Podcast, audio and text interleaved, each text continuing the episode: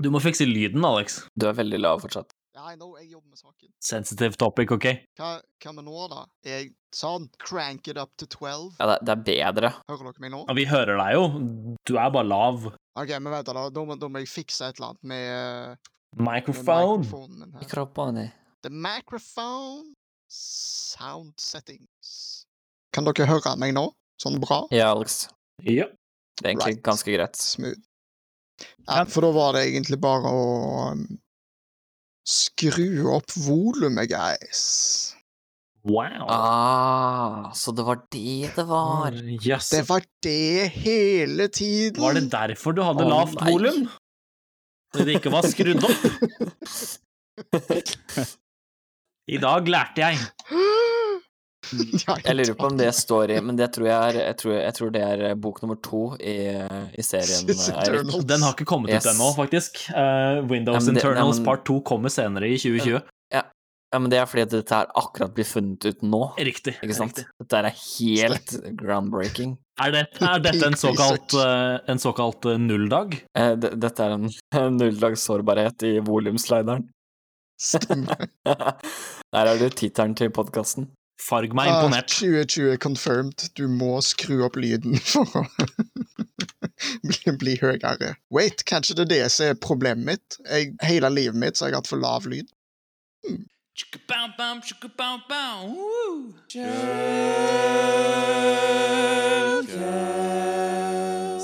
Jo, OK, la oss begynne med å bare introdusere oss sjøl, da.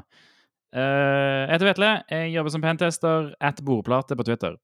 Jeg heter Eirik, jobber som penetrasjonstester i privat sektor og at 0xsv1 på Twitter. Jeg heter eh, Martin eh, og jobber som pentester i privat sektor. Jeg er at mrtn9 på Twitter. Jeg eh, heter Alexander, og jeg jobber i privat sektor, og jeg er at er det en ting på Twitter. Jeg heter Tobias. Jeg jobber som penetrasjonstester i den private sektoren, og du kan finne meg på Twitter som at iface-tobu. Ja, dere. Uh, oi, fader. Unnskyld. Ja, vi ser. Er Ja, alle sammen. Vel... Ja, ja.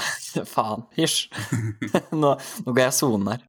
Faen! Det er meg, ja. ja jeg, jeg er Thomas. Okay, ja, alle sammen, yes. velkommen til Shellcast. Eh, En uke har gått eh, siden jeg var med sist. Jeg er veldig glad for å være tilbake igjen. Vi har jo mottatt eh, enda mer leserinnsendt Leserinnsendt Lytterinnsendt e-post, så jeg tenkte kanskje vi skulle ta en vi har fått helt sånn i starten. Den er da fra Thomas, eh, som skriver eh, følgende, og det er deg, Erik, du skulle lese opp. Så Thomas skriver altså da Jeg hører på deres podkast og liker veldig når dere snakker teknisk. Eh, Det er mange, mange forskjellige sikkerhetspodcaster, men de fleste går veldig overfladisk på forskjellige temaer. Jeg er sikkerhetskonsulent, pentester og forensics analyst, som jobber og bor over 100 km fra Oslo, og her har jeg ikke mange kollegaer i nærheten jeg kan snakke med om det. Eller jeg kan snakke til alle, men ingen kan forstå meg uansett, med et lite blunkefjes, og det er vel noe vi alle er kjent med. Derfor er jeg veldig glad for å høre når dere snakker på det nivået. Takk for det, Thomas. Det er også kanskje en av de tingene jeg i hvert fall liker best med denne podcasten. Eh, videre så har Thomas eh, kommet med en del hva skal jeg si, spørsmål og eller eh, topic-forslag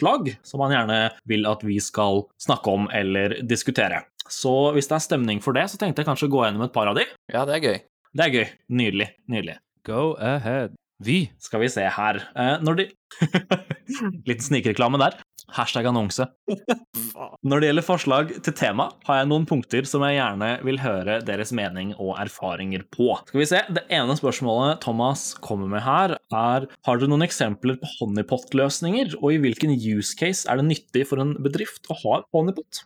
Uh, eneste jeg har hørt om, er Thingst, Thingst Canary, tror jeg det er. Mm. Som, er, som er en sånn veldig veldig enkel uh, commercial greie som du bare kjøper og stapper i nettverket. Sinnssykt dyrt, da, men ja, de er jo kule. Er det dyrt? Ja, de er veldig dyre. Ja, nei, jeg har, ikke- jeg har aldri sett på det. Eh, jeg, bare, det jeg har hørt om det på andre podcaster eh, i sånn reklamepause, dritgreier.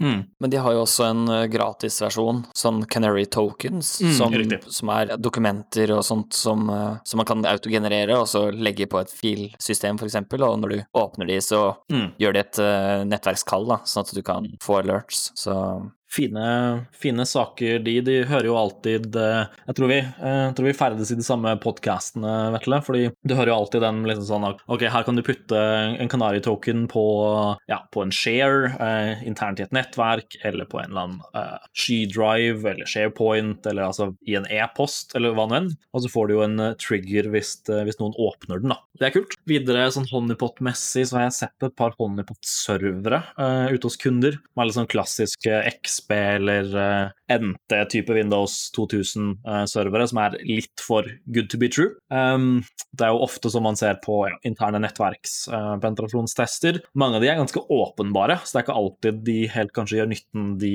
håpte på eller skal.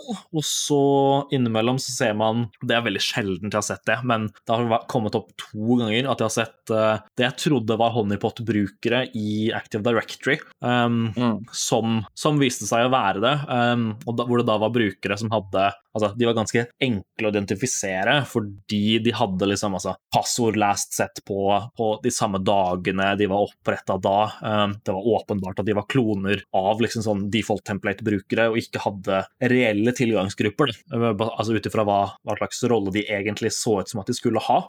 Ellers så har jeg ikke sett så veldig mye honeypot på, på sånne type oppdrag som, som, jeg gjør til vanlig. Jeg lurer på det du nevner om, eh, om honeypot-brukere. Jeg tror kanskje Defender ATP har en sånn innebygd løsning for det, mm, mm. som gjør at det er lett, lett, å skru på, sånn at du får alerts når, eh, når noen logger inn med en sånn bruker. da. Mm. Så har du også Invoke Deception, som er ganske kult der, hvor du kan opprette eh, Honeypot-brukere og få de til å se litt mer realistiske realistisk ut. da. Eh, kan vi kan beskrive ned det du sa i shownotes, så jeg kan legge det eh, der? Ja, absolutt. Og på, det gamle selskapet jeg jobbet for, så driftet jo vi forskjellige nettverk og forskjellige kundenettverk. Og en, en spesiell kunde spesifikt eh, hadde jo Honeypot-nettverk, da. Så med en gang de så trafikk inne på disse nettverkene i første gang, så trigga det masse alerts, og det var jo en selvutvikla løsning, da. Uh, men Det er jo sinnssykt kult. Ja, det er, det er kjempekult. Men uh, den var ikke den beste, den plukka ikke opp alt, og det var, var mye problemer med den. Det var mye false positives også. Riktig. Jeg minnes å ha hørt noe, noe lignende om eh, folk som bruker sånn software defined networking, eh, hvor et av eksemplene var nettopp det at hvis du detekta,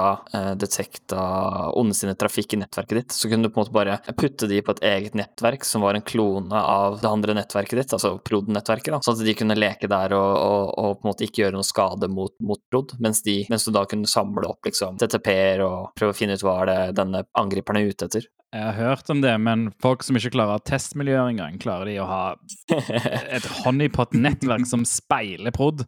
Sjeldent. Jeg minnes at dette her var et sånn, uh, sånn akademisk uh, prosjekt, uh, eller noe sånn Cisco pitch-greier, men mm. ja. Riktig. Da har du allerede et nettverksbudsjett på tre billiarder i året, så I don't know. Jeg har faktisk sett noen, noen honeypot-løsninger som er ganske kule, spesielt i forhold til Docker og Kubernetes. Det finnes finnes det en del uh, spesialiserte docker-images. Jeg minnes å huske at du kan sette opp en server og noe greier òg, um, men basically docker-images som du kan connecte mot StatsD, CollectD, FluentD og um, Elkstacken, som basically har åpne services mm. som er utdaterte eller gamle, eller at de bare sitter og lytter på trafikk, og så kan du da sette opp spesifikke parametere som du shipper til loggtjenestene dine, da, som starter pings eller liksom start alerts på ting som skjer. Det er ganske kule løsninger, så, så det mm. finnes. Det er bare det er litt knot, holdt jeg på å si. Når du sier det, så har jeg faktisk eh, sett også, altså ikke ute hos kunder, men jeg har sett og lest om en, eh, en sånn honeypot-løsning for uh, eh, NTLM uh, poisoning, eh, sånn med tanke på responder. Det er også definitivt noe litt mer modne kunder burde passe på. Altså, det er jo en av de første tingene ofte man eh, gjør når man lander på et nett i litt mer sånn pentest-orientert testing. Så en enkel måte å buste pentestere på, definitivt. Skal vi se, videre så Jeg er bekymra for hvor lang tid vi bruker på hvert spørsmål her. Ikke sant. Jeg, jeg, jeg, prøvde før Alex der, men det var godt innspill, så definitivt. Videre så skriver Thomas her Har dere noen gode situasjoner fra, fra oppdrag eller pentester? Så lurer han på et par her som vi kan ta litt fort. Uh, hva er raskest Hva er deres raskeste eller enkleste pentest? Altså type uh, time to domain admin. Uh, har, dere har, dere en situasjon når pentesten måtte avsluttes umiddelbart pga. funn eller andre årsaker, sånn type om vi fant noen andre, eh, altså russiske russiske spioner, eller om det er en utgående IP-adresse til eh, Kina eller eh, Usbekistan. Um, noen spesielle slash rare scope eller betingelser for et oppdrag, og hva er oftest den brukerfeilen som leder til sårbarheter man ser i et pentest-oppdrag. Er det noen som har noen gode på den første der? Raskeste og enkleste veien til domain admin?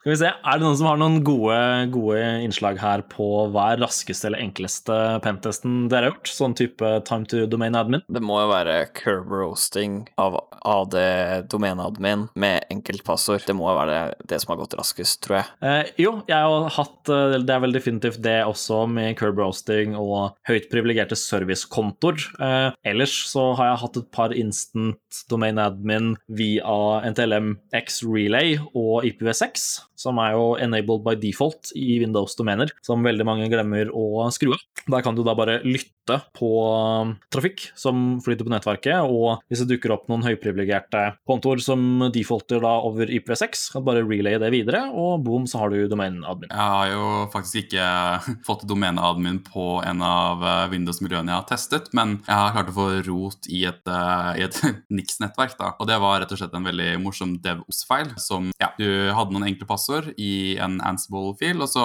cracka du de, og så fikk du rot på alle systemene i hele miljøet deres. For å, Siden du var litt humble der, så kan jeg jo liksom gi litt eh, bakgrunnshistorie på det, akkurat den, for den er jo veldig kul. Eh, jeg og Tobias testet en, eh, en, stor Telekom, og Tobias med sin nettverkserfaring eh, og god hva skal jeg si, enumeration på, eh, på gateway-boksen som vi fikk tilgang til, så finner jo da Tobias credentials, som han sier, i en Ansible deployment-fil um, som gir han full root i hele da, dette Linux-baserte systemet, som, uh, som ruter SMS-er i et uh, udefinert nordisk land fram og tilbake. Og SMS, for de som kjenner til den protokollen, er jo i klartekst, så der var det mye interessant. Jesus. Veldig morsomt, veldig morsomt.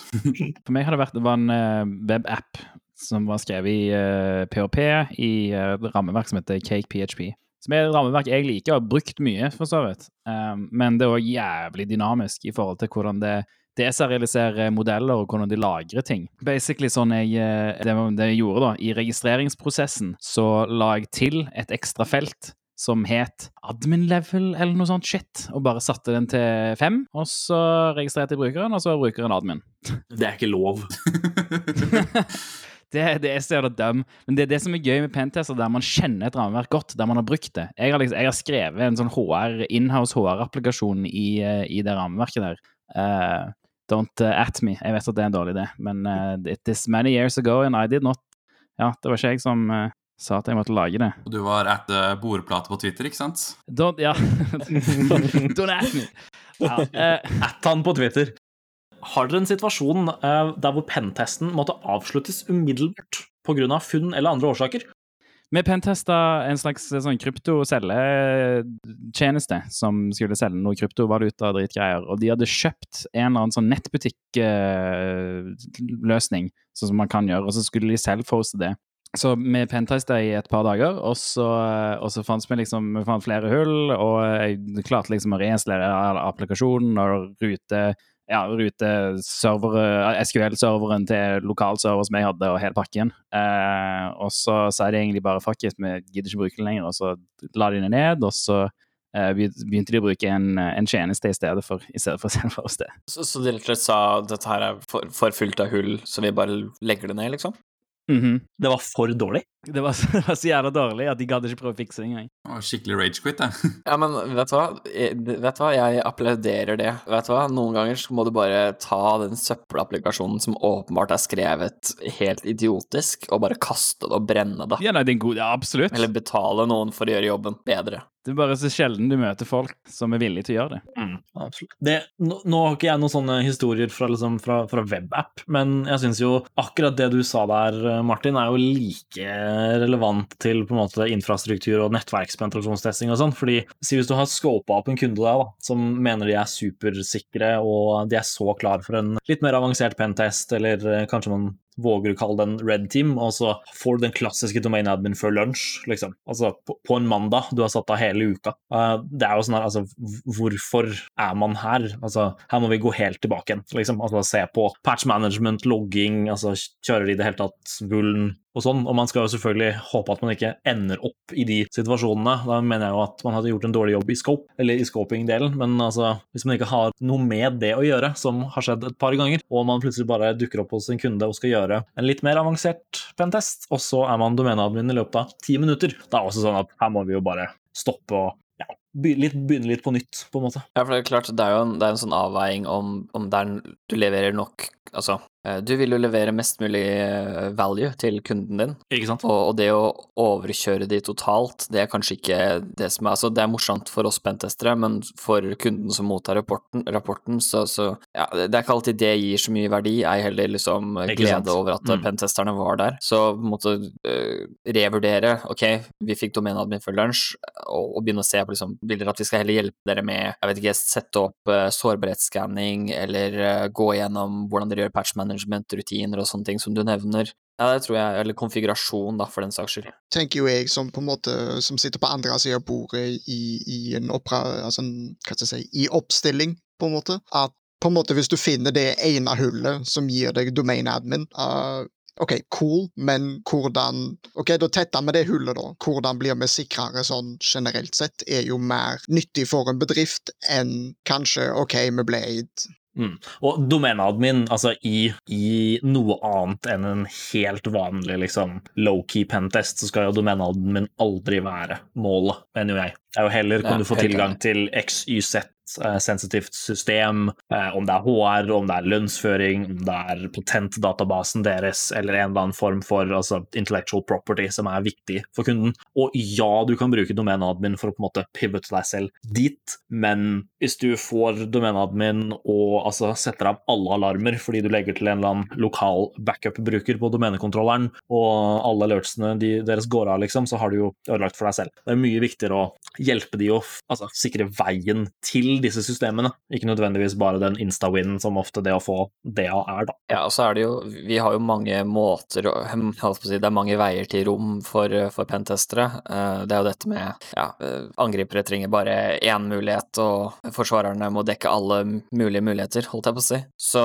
men, men jeg tror mye av jobben vår også går jo ut på at når vi har fått domeneadmin, eller hvis vi får domeneadmin sånn på én time, så må man ta et steg tilbake og si ok, dette er én vei, Eh, er det andre veier? Fordi at det- det er veldig Jeg tror mange pentest-selskap liksom Ok, vi fikk domeneadmin, da kaster vi henda i været, og så ok, da blir det rapport. Eh, og da får du ikke den verdien igjen, da. Så det er, det er det å kunne se med Ja, man må gå litt i, i bredden også, da. Ikke bare liksom ok, her var det en vei, da er vi done. Ja, ja, man er, ikke, man er ikke ferdig bare fordi man har domeneadmin. Aldri. Nei, men jeg tror kanskje det er mange som tror det, eller Du er ferdig når tiden til test er ferdig, sant? og så har du rapporttid. Du skriver rapport når du skal skrive rapport, og så tester du når du skal teste. Men det er fryktelig mange, og jeg tipper det for det Martin skulle si her, det er fryktelig mange selskaper der ute man ser som på en måte har det som bare kriteriet sitt. Da. Får de det av, så er de ferdige, liksom. Og det er jo ofte liksom Det er det man eh, Ja, altså, det er jo det på en måte vi, vi har blitt lært opp til, da, ikke sant. Målet er domeneadmin, Mm. og når vi får det, da har vi, da har vi gjennomført eh, Da har vi gjort jobben vår, liksom. Eh, Men for å le kunne levere mer kvalitet til kunden, da, så, så må man kunne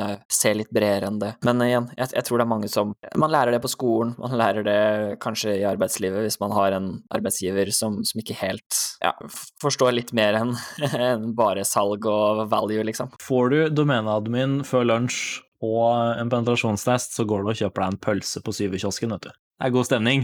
Ja, ja men det, det, er, det, er lov, altså, det er lov å ta seg en dans når du, når du får domeneadmin første gangen, men det er da Ja. jobben begynner. Ikke sant. Neste punkt her fra Thomas er eh, Er det noen spesielle eller rare scope eller betingelser dere har opplevd eh, for oppdrag? Ting man kan, ikke kan gjøre? Jeg har, eh, jeg har der folk ofte bare putter frontenden sin i scope. Så de har én backend, og så er det en frontend som er type React eller noe sånt shit. Og så putter de kun den frontenden i, uh, i scope, for de har egentlig ikke peiling på hvordan systemene sine virker. Jeg tror egentlig ikke jeg har noen sånne gode innspill der, egentlig. Uh, Det meste er jo Det er mye diskusjoner fram og tilbake om hva som skal være i scope, da. Uh, Ofte så får man scope fra kunde som, som man Når man gjør litt research, så er det faktisk ikke noe kunden eier av infrastruktur eller nettside. Det, det har skjedd. Ah, ja. Og ofte altfor strenge scope. Ja, det er jo en klassiker, da, selvfølgelig. Absolutt. Men da sier vi oss ferdig med den. Neste punkt her fra Thomas er eh, hva er den oftest sette brukerfeilen som leder til sårbarheter som man ser i pentest-oppdrag? Passord. Passord! Jeg skal ta meg en pils. BRB. Kjør på. Å ja, jeg skal hente en ny pils. BRB. Og jeg, jeg gjorde det allerede. Jeg, jeg, jeg henta en pils, jeg. Da drikker jeg litt brus, jeg. Har jeg en bolle og en brus. Hva drikker du? Pepsi? Pepsi Max? mm, Oi. Cola? Cola Light? Cola Zero, faktisk. Ah, du er en sånn en, ja. Jeg var, jeg var en hard Pepsi-drikker før, og så fant jeg ut at jeg blir feit hvis jeg drikker for mye sukkerbrus. Mm. Så da blei det Cola Zero. Jeg lærte meg å like Cola Zero. Hva hørte jeg gjennom Eller fra headset? Nå kom jeg akkurat inn på kontoret her, om jeg kan kalle soverommet mitt det. Og så hører jeg s- s- Lister jeg meg opp til pulten, og så hører jeg plutselig at eh, du blir for feit, så du måtte drikke Cola Zero isteden. Dette var litt av en samtale å komme inn til. Ja, altså, det, det, det, er ikke, det er ikke for så vidt ikke noe uh, Altså, ja, det, det var et valg. Jeg tenkte at nå må jeg, nå må jeg vokse opp. Da må jeg bli, uh, må jeg bli 26 år. Uh, da blei det Cola Zero. Ja. Det er jo fint å vokse opp etter at du får barn, tenker jeg. Det er jo Ja. Eller kanskje da man går tilbake igjen til barndommen. Jeg, det er morsomt jeg, eh, som sagt, jeg Pepsi har Pepsi-drikker egentlig, men eh, jeg, Pepsi Max får jeg vondt i hodet av. Jeg, jeg vet ikke helt hvorfor, men det, Jeg får vondt i sjela av Pepsi Max. Mm, ja, det er en annen ting. Men hva, du, egentlig, du har egentlig vært en Pepsi-mann, som i Pepsi Pepsi, Pepsi. Straight? Mm. Pepsi? Ja, ja. Ja, Hvem faen drikker Pepsi? Jeg har aldri hørt noen som drikker Pepsi. Jeg har hørt om mange som drikker Pepsi Max. Det er liksom Pepsi Max versus Cola. Ja, ja. har aldri hørt om noen som bare drikker Pepsi. Ja, for I don't at me. Nei, men det klassiske er jo den derre den derre eh, I want a coke. Is Pepsi okay? Is Monopoly money okay? Vi har òg eh, et spørsmål fra en lytter som ønsker å være anonym, som lurer på om vi har noen erfaringer med Purple Team, og typ hvordan vi kan forbedre samarbeidet mellom Blue, Red og Purple Team og, og sånt noe, da. Er det noen som har noen tanker rundt det? All right. Den beste måten å gjøre Purple Team og bli flinkere på Purple Team, både liksom fra rød og blå siden, det er å bruke Jira. Og jo mer penger du spenner på Jira, jo, jo bedre blir Purple Teaming din, rett og slett. Ta mye, Tobias. What?! Å, fy faen. Fantastisk bidrag.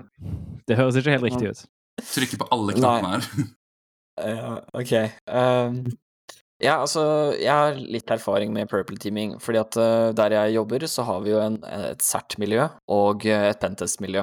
Og f- åpenbart da, for å gjøre hverandre bedre, så har vi gjennomført sånn purple team exercise eh, internt. Eh, og det er verdt å si at det er jo én måte å gjøre purple teaming på, altså i en begrenset periode, og noen gjør jo purple teaming også over lengre perioder. Eh, og, og det handler jo om på en måte, hvordan forbedre deteksjon for blue team. For det er jo Mm.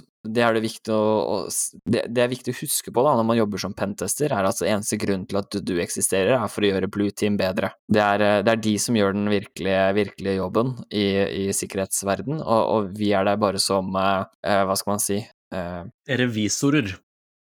Eh, Så, så det er på en måte min erfaring med, med purple teaming. Jeg har, ikke, jeg har ikke vært med og gjort det med kunde, men det er for så vidt noe jeg ser fram til å, kunne i fremtiden. Jeg har gjort det ute hos eh, kunde én gang, i hvert fall. Eh, Som stort norskt, eller stort internasjonalt selskap, men basert ut av Norge, hvor jeg satt ute hos de i halvannen uke sammen med en sikkerhetsanalytiker eh, hos de, som da hadde tilgang til deres tredjeparts SOX hjemløsning. Og så satt jeg og gjorde på en måte en, joint pentest slash en ja, opplæringssesjon på en måte eh, av hvordan jeg ville penteste selskapet deres. Og da satt han fra Blue Team ved siden av meg, jeg fra Red Team, obviously, og så satt vi og fulgte med på Soxiem-løsningen når jeg gjorde altså, forskjellige ting i forskjellige vanskelighetsgrader, om man kan si det. Altså liksom sånn, ok, her prøver vi noe custom malware, noe man har smelt sammen på stedet, som man liksom vet at eh, er født eller ikke blir busta.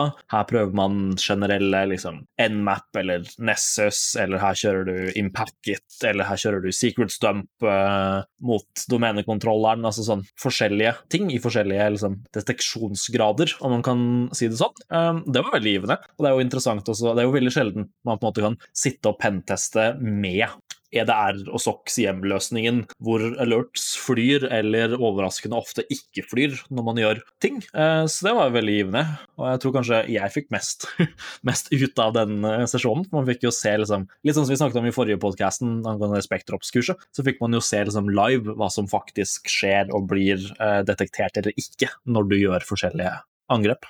Men hva, hva er purple teaming for dere? For, for ofte når jeg hører om purple teaming, så er det folk som ikke klarer å være enige om definisjonen. Og så har jeg aldri egentlig helt skjønt 100 hva definisjonen er, og så soner jeg litt ut når folk snakker om det, fordi at eh, jeg vet egentlig ikke hva det betyr, og det høres ikke så gøy ut som det burde. Pass på å følge med nå, da. Ikke sone ut nå. Hæ? Hva sa du nå? Purple teaming er jo, syns jeg i hvert fall, ganske enkelt definert. Og det er sikkert noen som kommer til å atte meg på Twitter uh, her nå, men jeg tenker at det er noe så enkelt som når enten en intern penetrasjonstester eller sikkerhetskonsulent eller red-teamer sitter sammen med blue team Uh, altså defendere, IT-konsulenter, sysadmins, SOC-CM-folk etc. i et selskap, og altså, gjør testing med de, hvor du har en, altså, hva skal man si, en interaktiv øvelse sammen, hvor noen prøver å angripe og noen prøver å defende, og så ser man hva som skjer og ikke skjer, og ja, si jeg pivoter fra et system til et annet, de sitter og ser om de klarer å se det, om det går alerts i SOC-CM-løsningen deres, Kanskje de buster meg og ler litt at uh, 'hallo, hvorfor gjorde du det?' eller at de plutselig mister meg, og jeg hopper videre til et annet system, eller du injekter i en prosess, og så ja, ser man om man kan lære av hverandre, og på en måte gir hverandre uh, pointers og ja, ta lærdom av de forskjellige metodikkene de forskjellige liksom, lagene har. Da. Og da blander du rød og blå, så får du purple. I hvert fall i vår bransje. Jeg stiller meg 100% bak, eh, bak den der. Det handler jo om, handler om å teste deteksjonsevne, eh, tune regler, eh, bare teste, rett og slett teste seg for ulike nye angrepsteknikker, og sørge for at man har deteksjonsevne på de tingene. Så det er det, er det som er purple teaming i mitt hode, i hvert fall. Ah, ok. Jeg har til, jeg, så mitt, det jeg har skapt i mitt hode, da, det er at, at uh, dette er Purple teaming er når blue team-folkene bare gjør pentesting av sine egne løsninger av og til. Det er det jeg har tenkt. Altså, det, det kan jo være det også. Uten at det har vært en veldig sånn dyp tanke om hva det er for noe. Det har liksom vært sånn ah, Purple Teaming, det høres ut som det. Og så er det det jeg har tenkt. Altså, hvem som, hvem som gjør pentestingen i det tilfellet, er jo på en måte irrelevant. Så det kan jo for så vidt være en blue teamer som eh, bruker røde angrepsteknikker, på en måte. Men eh, det, no, det, mest normale Absolutt. er jo at du, du, hyrer inn noen, for at du har veldig lett for å få, litt, bli litt biased og, og, og litt sånn ekkokammer på, på, hva du kan. Så det er fint å få en frisk eh, hva skal man si, eh, frisk kunnskap da, fra andre steder. Absolutt. Helt enig der, og man ser jo ofte at ja, selskaper kan sitte med litt, eh, litt false sense of security. De har kjøpt XYZ EDR-løsning eh, e eller 123 blinkende boks, og så føler de at her har de løsningen på alt, men så viser det seg at ja, det tar 30 dager før leverandøren oppdaterer forskjellige rules, eller at den i det hele tatt altså, bommer på forskjellige ting, eller at de har uh, en ekstremt høy time to detect og time to mitigate, eller at uh, SOCIEM-analystene som sitter der, uh, ja, ikke kan de forskjellige tingene nødvendigvis godt nok, eller bommer på ting, da. Det er jo sånn som Dave Kennedy sa på, på Hackon når vi var der. Martin, så er det liksom det er jo, Når du kommer opp i mer avansert pentesting og red-teaming, så er det like viktig å lure mennesket som ser på alertsene, uh, enn der å også liksom circumvente selve detection uh, i, i, i, seg selv. Da. Mm, helt enig. Det er jo sånn, sånn type lærdom. ID-porten gjorde en fuck 1.10. Uh, når de skulle gjøre noe arbeid på en server, så ble folk logga inn som andre folk. Jeg har ikke helt skjønt alle detaljene rundt det. Er det noen som har sett mye detaljer rundt det, eller er det bare uh, Har de ikke kommet ut med så mye detaljer? Det er bare litt sånn overfladisk. Uh, som at Susann53 skulle bestille legetime og ble logget inn som oljeministeren. Ja, jeg, jeg, har lyst til å si at jeg skjønte hva det var, men så husker jeg ikke om det var noe jeg funnet på. Ja, ikke, ikke sant. Men jeg, jeg minnes at det var en fyr som fikk erstatning også nylig, for, uh, fordi at, uh, fordi at uh, han fikk dataene sine eksponert. Men så prøvde jeg å finne igjen den og så finner han ikke igjen. Så det var jo konge. Han fått tilbakebetalt Har han fått betalt for det allerede? Jeg, jeg tror han fikk sånn 15 000 eller noe sånt nå i erstatning.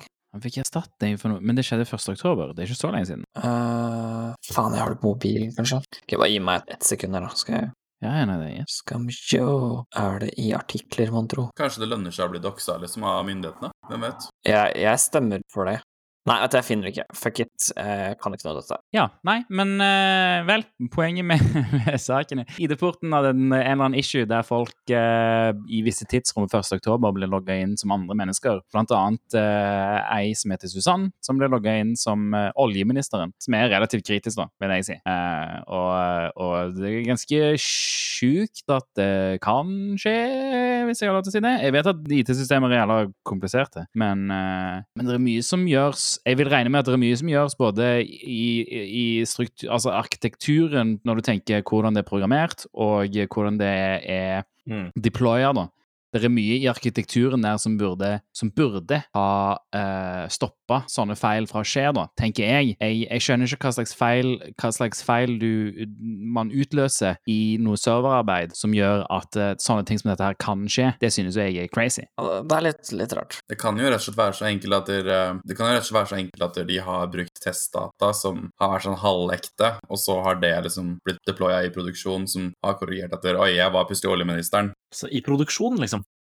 Jo, men, men, jeg, men, men, men det burde Altså, det, Ja. det, er, føler det er mye. Ja, og jeg føler det er mye Jeg føler det er mye som burde vært gjort i Altså, du burde ha failsafes, da, både i, i arkitekturen, i programmeringen din, og så burde du ha failsafes i selve, selve koden på liksom Ja, bla, bla, bla, det kan ikke skje. Og så burde du òg ha failsafes i hvordan du deployer hele applikasjonen. Det er jo flere, det er flere, flere, flere plasser her der dette burde ha blitt catcha og stoppa. Der alt der på en måte Om det er noe middleware, eller om det er noe eh, reverse proxy-greier som, som oppdager det. Jeg føler det er masse steder her der, der sånne ting burde blitt oppdaget mye før. da. Ja, det som står der, er at dette har kun uh, skjedd folk som har brukt bank-ID på mobil. Uh, så det spørs om det har vært en eller annen slags feil der, da, i den derre For at når du bruker bank-ID på mobil, så får du jo en sånn eh, melding på mobilen din, og så må du skrive koden din, og så eh, sender du av gårde, og så gjøres det en greie i backend som logger deg inn. Eh, så hvis det har vært en eller annen mix-up der, da, det står at det er et, eh, 600 personer,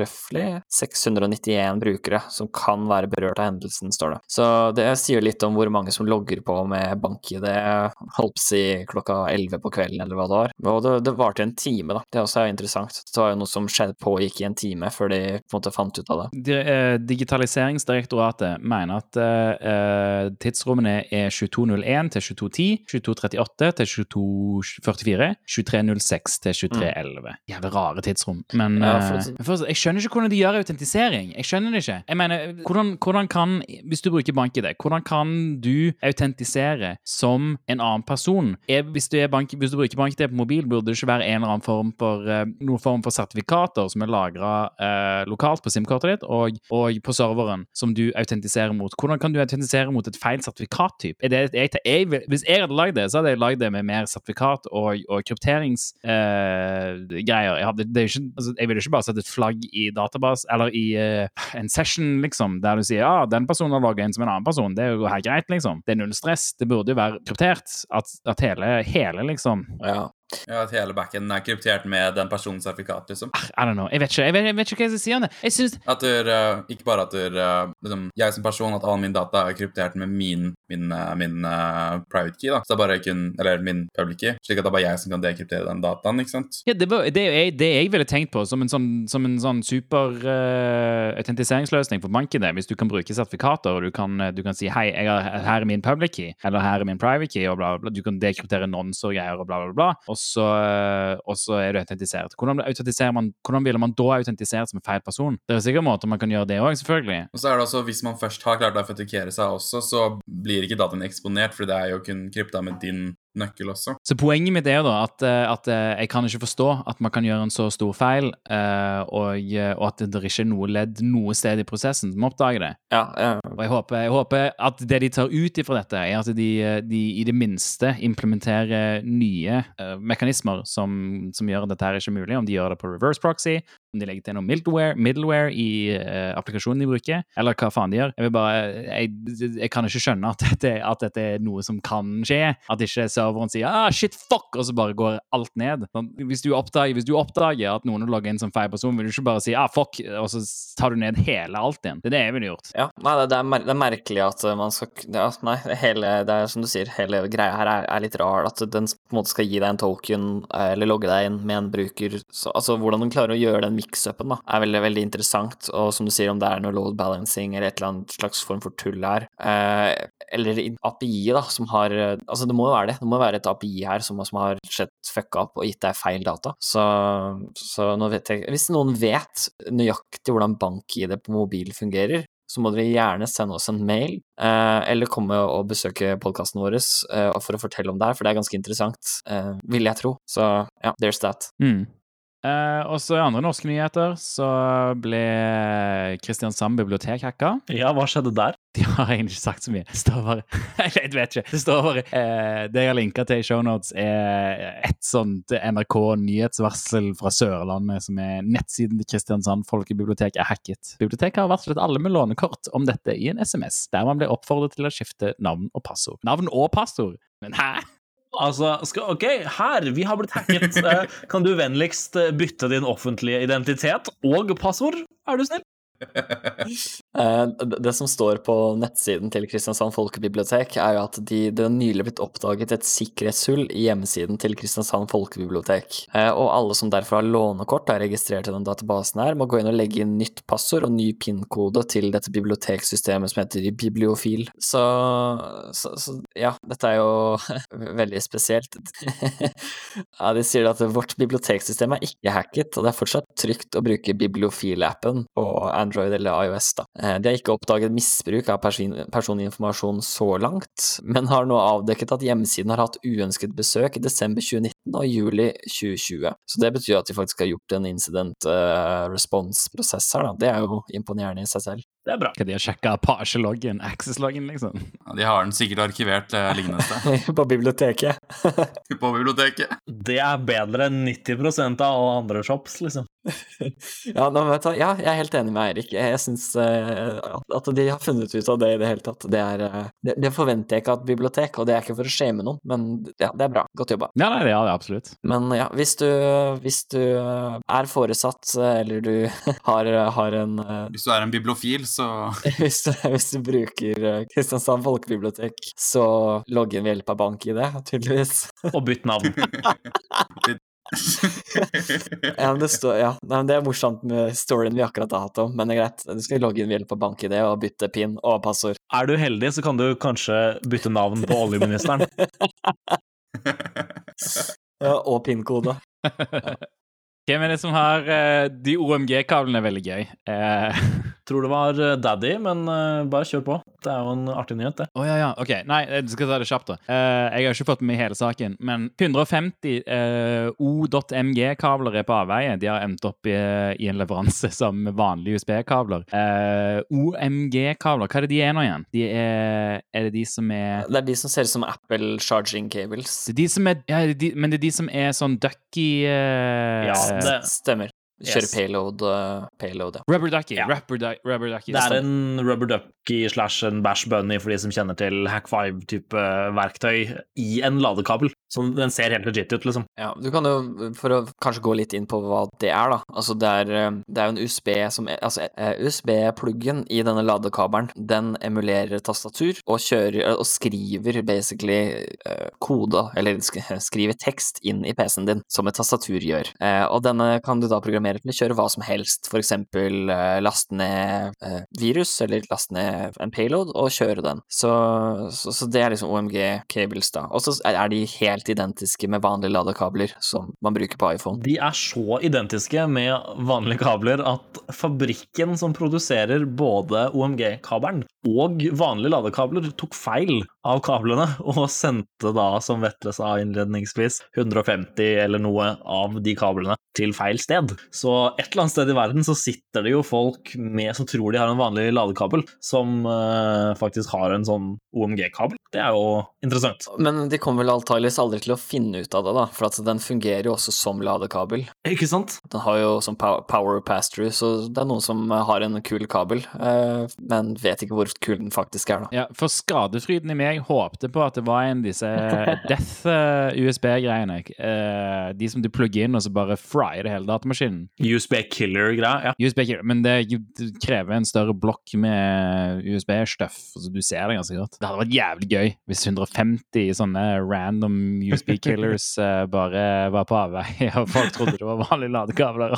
Men jeg lurer på eh, hvor denne leverandøren faktisk leverer de kablene. Om det er liksom Elkjøp? Det, det, det er jo ikke umulig. Nei, det er ikke det. Um, Nei, det, ja, nei. Men det er jo, det er, det er jo åpenbart en sånn, uh, sånn ja, China-fabrikk som lager mye forskjellige greier. Som lager fake Apple-kabel. Hvis, du- hvis du mikser OMG-kabelen, som skal ligne på en Apple-kabel, med noe som du faktisk produserer, så produserer du ting du ikke egentlig skal produsere. Man skal jo ikke faktisk produsere fake Apple-kabler. Jeg, jeg, jeg vet liksom ikke. Jeg, jeg tenker at det, det driter de sikkert i. Absolutt. Uh, og du får jo Nei, jeg vet ikke. Det, det hadde vært gøy, i hvert fall om det hadde dukka opp på norsk jord. Jeg tipper de ender opp på Amazon. Ja, sikkert på Amazon. Eller Wish. Åh, Wish. Ja, der sier Sikkert. det. Eh, første ransom Eller første, første recorda dødsfall på grunn av eh, virus skjedde i Var det forrige uke, det? Eller var det uh, uken før? Av ransomware på et uh, tysk uh, På et tysk par uker siden, tror jeg. Men ja. Det kan godt hende det skjedde for et par uker siden, men nå var det et tysk eh, sykehus, eh, så vidt jeg husker. Mm. Ja, stemmer. stemmer. Oh, ja, nå sitter jeg og ser på feil artikkel. Ok, Er det flere som har dødd av ransomware? Jeg bare Ja, her. Jeg sitter og ser på helt feil. A ransomware attack has struck a major US hospital chain. Det har jeg ikke fått med meg. jeg. Ja, det skjedde forrige uke, tror jeg. Ja, riktig. Men så var det vel uka før så var det ja, noen som døde i Tyskland på grunn av Det har vi ikke lagt inn i shownotes engang. Det vil jeg, det vil jeg ta opp. Jeg vil ta opp det som siste sak. La oss finne den artikkelen. Er det noen som kan finne den artikkelen som vi kan legge i shownotes? Ja, jeg har den. Du har den. Jeg har den. Nice. Den. Legger du den inn eh, rett under eh, OMG-kabler? Oi, sorry. Ok, ja, det kan jeg gjøre. Ja, det var jo at eh, vedkommende mm, altså skulle bli sendt til sitt lokale sykehus, og så Nå har jeg ikke, husker jeg ikke hva det var, liksom, men hun eller, hun, hun eller han var Eller personen var altså såpass kritisk skadd eller syk at på grunn av at selv, eller sykehuset vedkommende skulle sendes til, var truffet av ransomware, og at de ikke kunne ta imot personen, Mm. Så ble de da rerouta til et annet sykehus, og vedkommende døde på veien, eller som følge av den ekstra reroutingen eller turen, da. Det var en, eh, ja, en, eh, en times uh, delay in treatment. Ars Technica. Ikke sant? Det er jo helt vilt. Ja, det, ja, det er vilt. Det er, men, men OK, det er i hvert fall Det er første personen som dør, da. Og det er ikke siste personen som dør av, av malicious angrep. Ondsinnede angrep! Men jeg må si det, jeg er overraska er over at det ikke har skjedd før. Egentlig. Eh, litt kynisk, kanskje, men, men Mm. det har jo Du hadde jo NHS, var det ikke det, i, i Storbritannia, som ble truffet av eh, Ja, jo, det var jo massivt. One, Wannacry, eller hva det var. Og, og liksom At, det, at, det, at ingen døde av det, er jo utrolig. Mm. Ja, ja, ja det, det tenkte jeg òg, egentlig. Men, men jeg, jeg, jeg, jeg har befølelsen av at sideeffektene av WannaCry har nok òg eh, vært med på å eh, drepe noen, skulle jeg si. Hva er en fin måte å si det på? Jeg kan egentlig ikke se for meg at det ikke har skjedd før, men at det ikke har skjedd nødvendigvis like direkte som Mm. dette, da. Og så Jeg vil jo tenke, uten å ta på meg for mye tinfoil hats, så, så er det jo litt vanskelig å tro med tanke på at vi allerede Altså, alle kjenner til hva som skjedde med Stuxnet, og på en måte kapabilitetene til mange eh, altså government agencies rundt omkring. Da er det jo Jeg sliter litt med å tro, da, som, som Martin sier, at det ikke har skjedd før, men kanskje ikke har blitt dekt så mye i media, fordi det er hemmelighetsstempla, liksom. Ja, det òg. Ja, det er selvfølgelig også en mulig Altså, ja, det, altså, folk har jo sikkert dødd på grunn av ransomware, eh, enten liksom Kanskje ikke som en direkte liksom Eller malware generelt, da. Altså, ventilatoren din, holdt jeg på å si, fikk ikke WannaCry, liksom, og du døde på grunn av det, fordi at den kryptolokka et eller annet. Men ja, ripple effects, da, kan jo ha noe å si her. Ja, ja. Definitivt. Men jeg, jeg har òg sett, eh, for, å, for å være grei mot folk som lager ransomware, utrolig nok Jeg har også sett uh, det er, der er, der er noen ransomware-grupper som bare hvis de, hvis de vet, hvis de oppdager, eller hvis noen forteller dem at, at det er et sykehus de har angrepet, eller de har truffet, da Ofte er det bare litt tilfeldig hvem de treffer, men, men eh, eh, uansett, poenget mitt er at uh, de da lar deg dekryptere alt gratis, eller de, de, de, de, Mm. unngår, de unngår å treffe sykehus, da. Stemmer, stemmer. Så, så jeg, jeg tror det er mange ransomware ransomware-grupper som, uh, som bare er ute etter penger, men de, de vil helst ikke drepe folk, da. Vi har jo hørt om de som også justerer løsepengesummen. Mm. Hvis du liksom sier at jeg kommer fra et, fra et fattig land og og har lite penger, liksom, så jeg, det er umulig for meg å obtaine fem bitcoin, liksom, Mm. så, så, så kan de redusere summen. Så, så det er jo veldig, veldig spesielt, selv om man ikke skal negotiate med terrorister. Men det, for det er en interessant sak, og det var uh, jeg tror de hadde truff, Det var en ransomware-gruppe som hadde truffet en hel haug med folk i Taiwan, tror jeg. Og de hadde, mis, de hadde miskalkulert da hvor mye folk i Taiwan tjener. Og så hadde de, så hadde de hatt en dialog der. Ja, stemmer, for de hadde brukt den McDonald's-indeksen eller sånt. Ja, det var et eller annet greier der. Jeg husker ikke, ja, jeg husker ikke hva det var for noe. Ja, det, Jeg skal stemmer legge det. det i shownotes. Uh, Fremtidsvettel skal legge det i shownotes. Det var det for denne gang i eh, Shellcast. Hvis du har eh, bidrag, spørsmål, kun tenkt deg å vært gjest, ja, send e-post til podkast at eh, 5h3ll.so, eller følg oss på Twitter eh, på at Shellcast, altså 5h3llcast. Vi ses neste uke. Ha det! Ah, all right. Ok, den er fin. Jeg liker Oh, den. Jeg liker yeah. den. Det, det er nice. Den Takk. Ja, Men bra. eh, jeg, kommer for, jeg, jeg tror jeg klipper det før Jeg, jeg klipper det inn før vi begynner med sånn aftershow-greier, og så tar vi aftershow, og så Ja. Absolutt, Jeg absolutt. synes Ja. det, jeg synes det er en sånn fin ting. Det, You're the god here. det, det har jeg, men det har jeg fra denne ATP-podcasten, at de har sånn aftershow-greier. For de har en outro De har en outro-musikkgreie, og de har ingen intromusikk, da. Uh, det hadde vært kult å ha en outro-sang òg, men uh, jeg det har ikke tenkt å lage det. Fremtidsvetle, lag den. Nei, men er det ikke sånt man har fever til og sånt? Jo, det er sant. Fem dollar, så får du en outro, liksom? Ja, ja, med noe Windows-lyder yeah. og Lag oss en hackepodcast-outro-lyd. Ja, men vet du hva? De overrasker alltid. Så Nei, det gjør de ikke, forresten. Men uh, det er sikkert et eller annet de ripper fra internett. Men da har vi i hvert fall sånn Da har, de, hva- da har vi sånn plausible deniability, hvis det er mellom et ledd. Det er sant. Ikke sant? Eller et ledd imellom, som det heter. Det Nå, nå så bruker vi Windows XP shutdown-lyden til, til det, som jeg føler er på kanten. Altså, jeg liker den. Den har jo blitt open sourced på internett i det siste, så det er fair game, det. Ja, det sant. Ah, jeg ville ikke kalt det open source. Men, men Vetle, når, når du sitter og kjeder deg, så kan du prøve å liksom glitche den også. Så liksom du, du, du. Ja, så lignende. Ja, det er sant. Det er det de gjør i IT Crowd. Ja, ja, ja, det er det de gjør i IT. Det er der jeg har det fra. Nemlig. Nemlig, ja. Det er der jeg har det fra. I, ja, ja, for i IT, jeg så nettopp hele IT Crowd på ny. Fordi at det, det er noe man gjør av det. Åh, mm.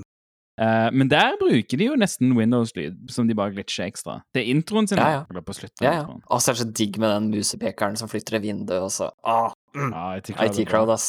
Det er så synd at de ikke har lagd eh, fortsatt på den. Men de er jo ferdig. De er jo ferdig. Jo, Netflix har resten av hele serien nå. For jeg tror jeg ikke hadde sett alt av IT Crowd før. For nå bare så jeg alt som var på Netflix, og så plutselig så, jeg ting jeg ikke har sett før. Og så var jeg sånn Hæ? Har jeg ikke sett alt av IT Crowd før? Uh, ja. Nei, jeg tror jeg har sett alt sammen. Nei, nå stopper jeg recording.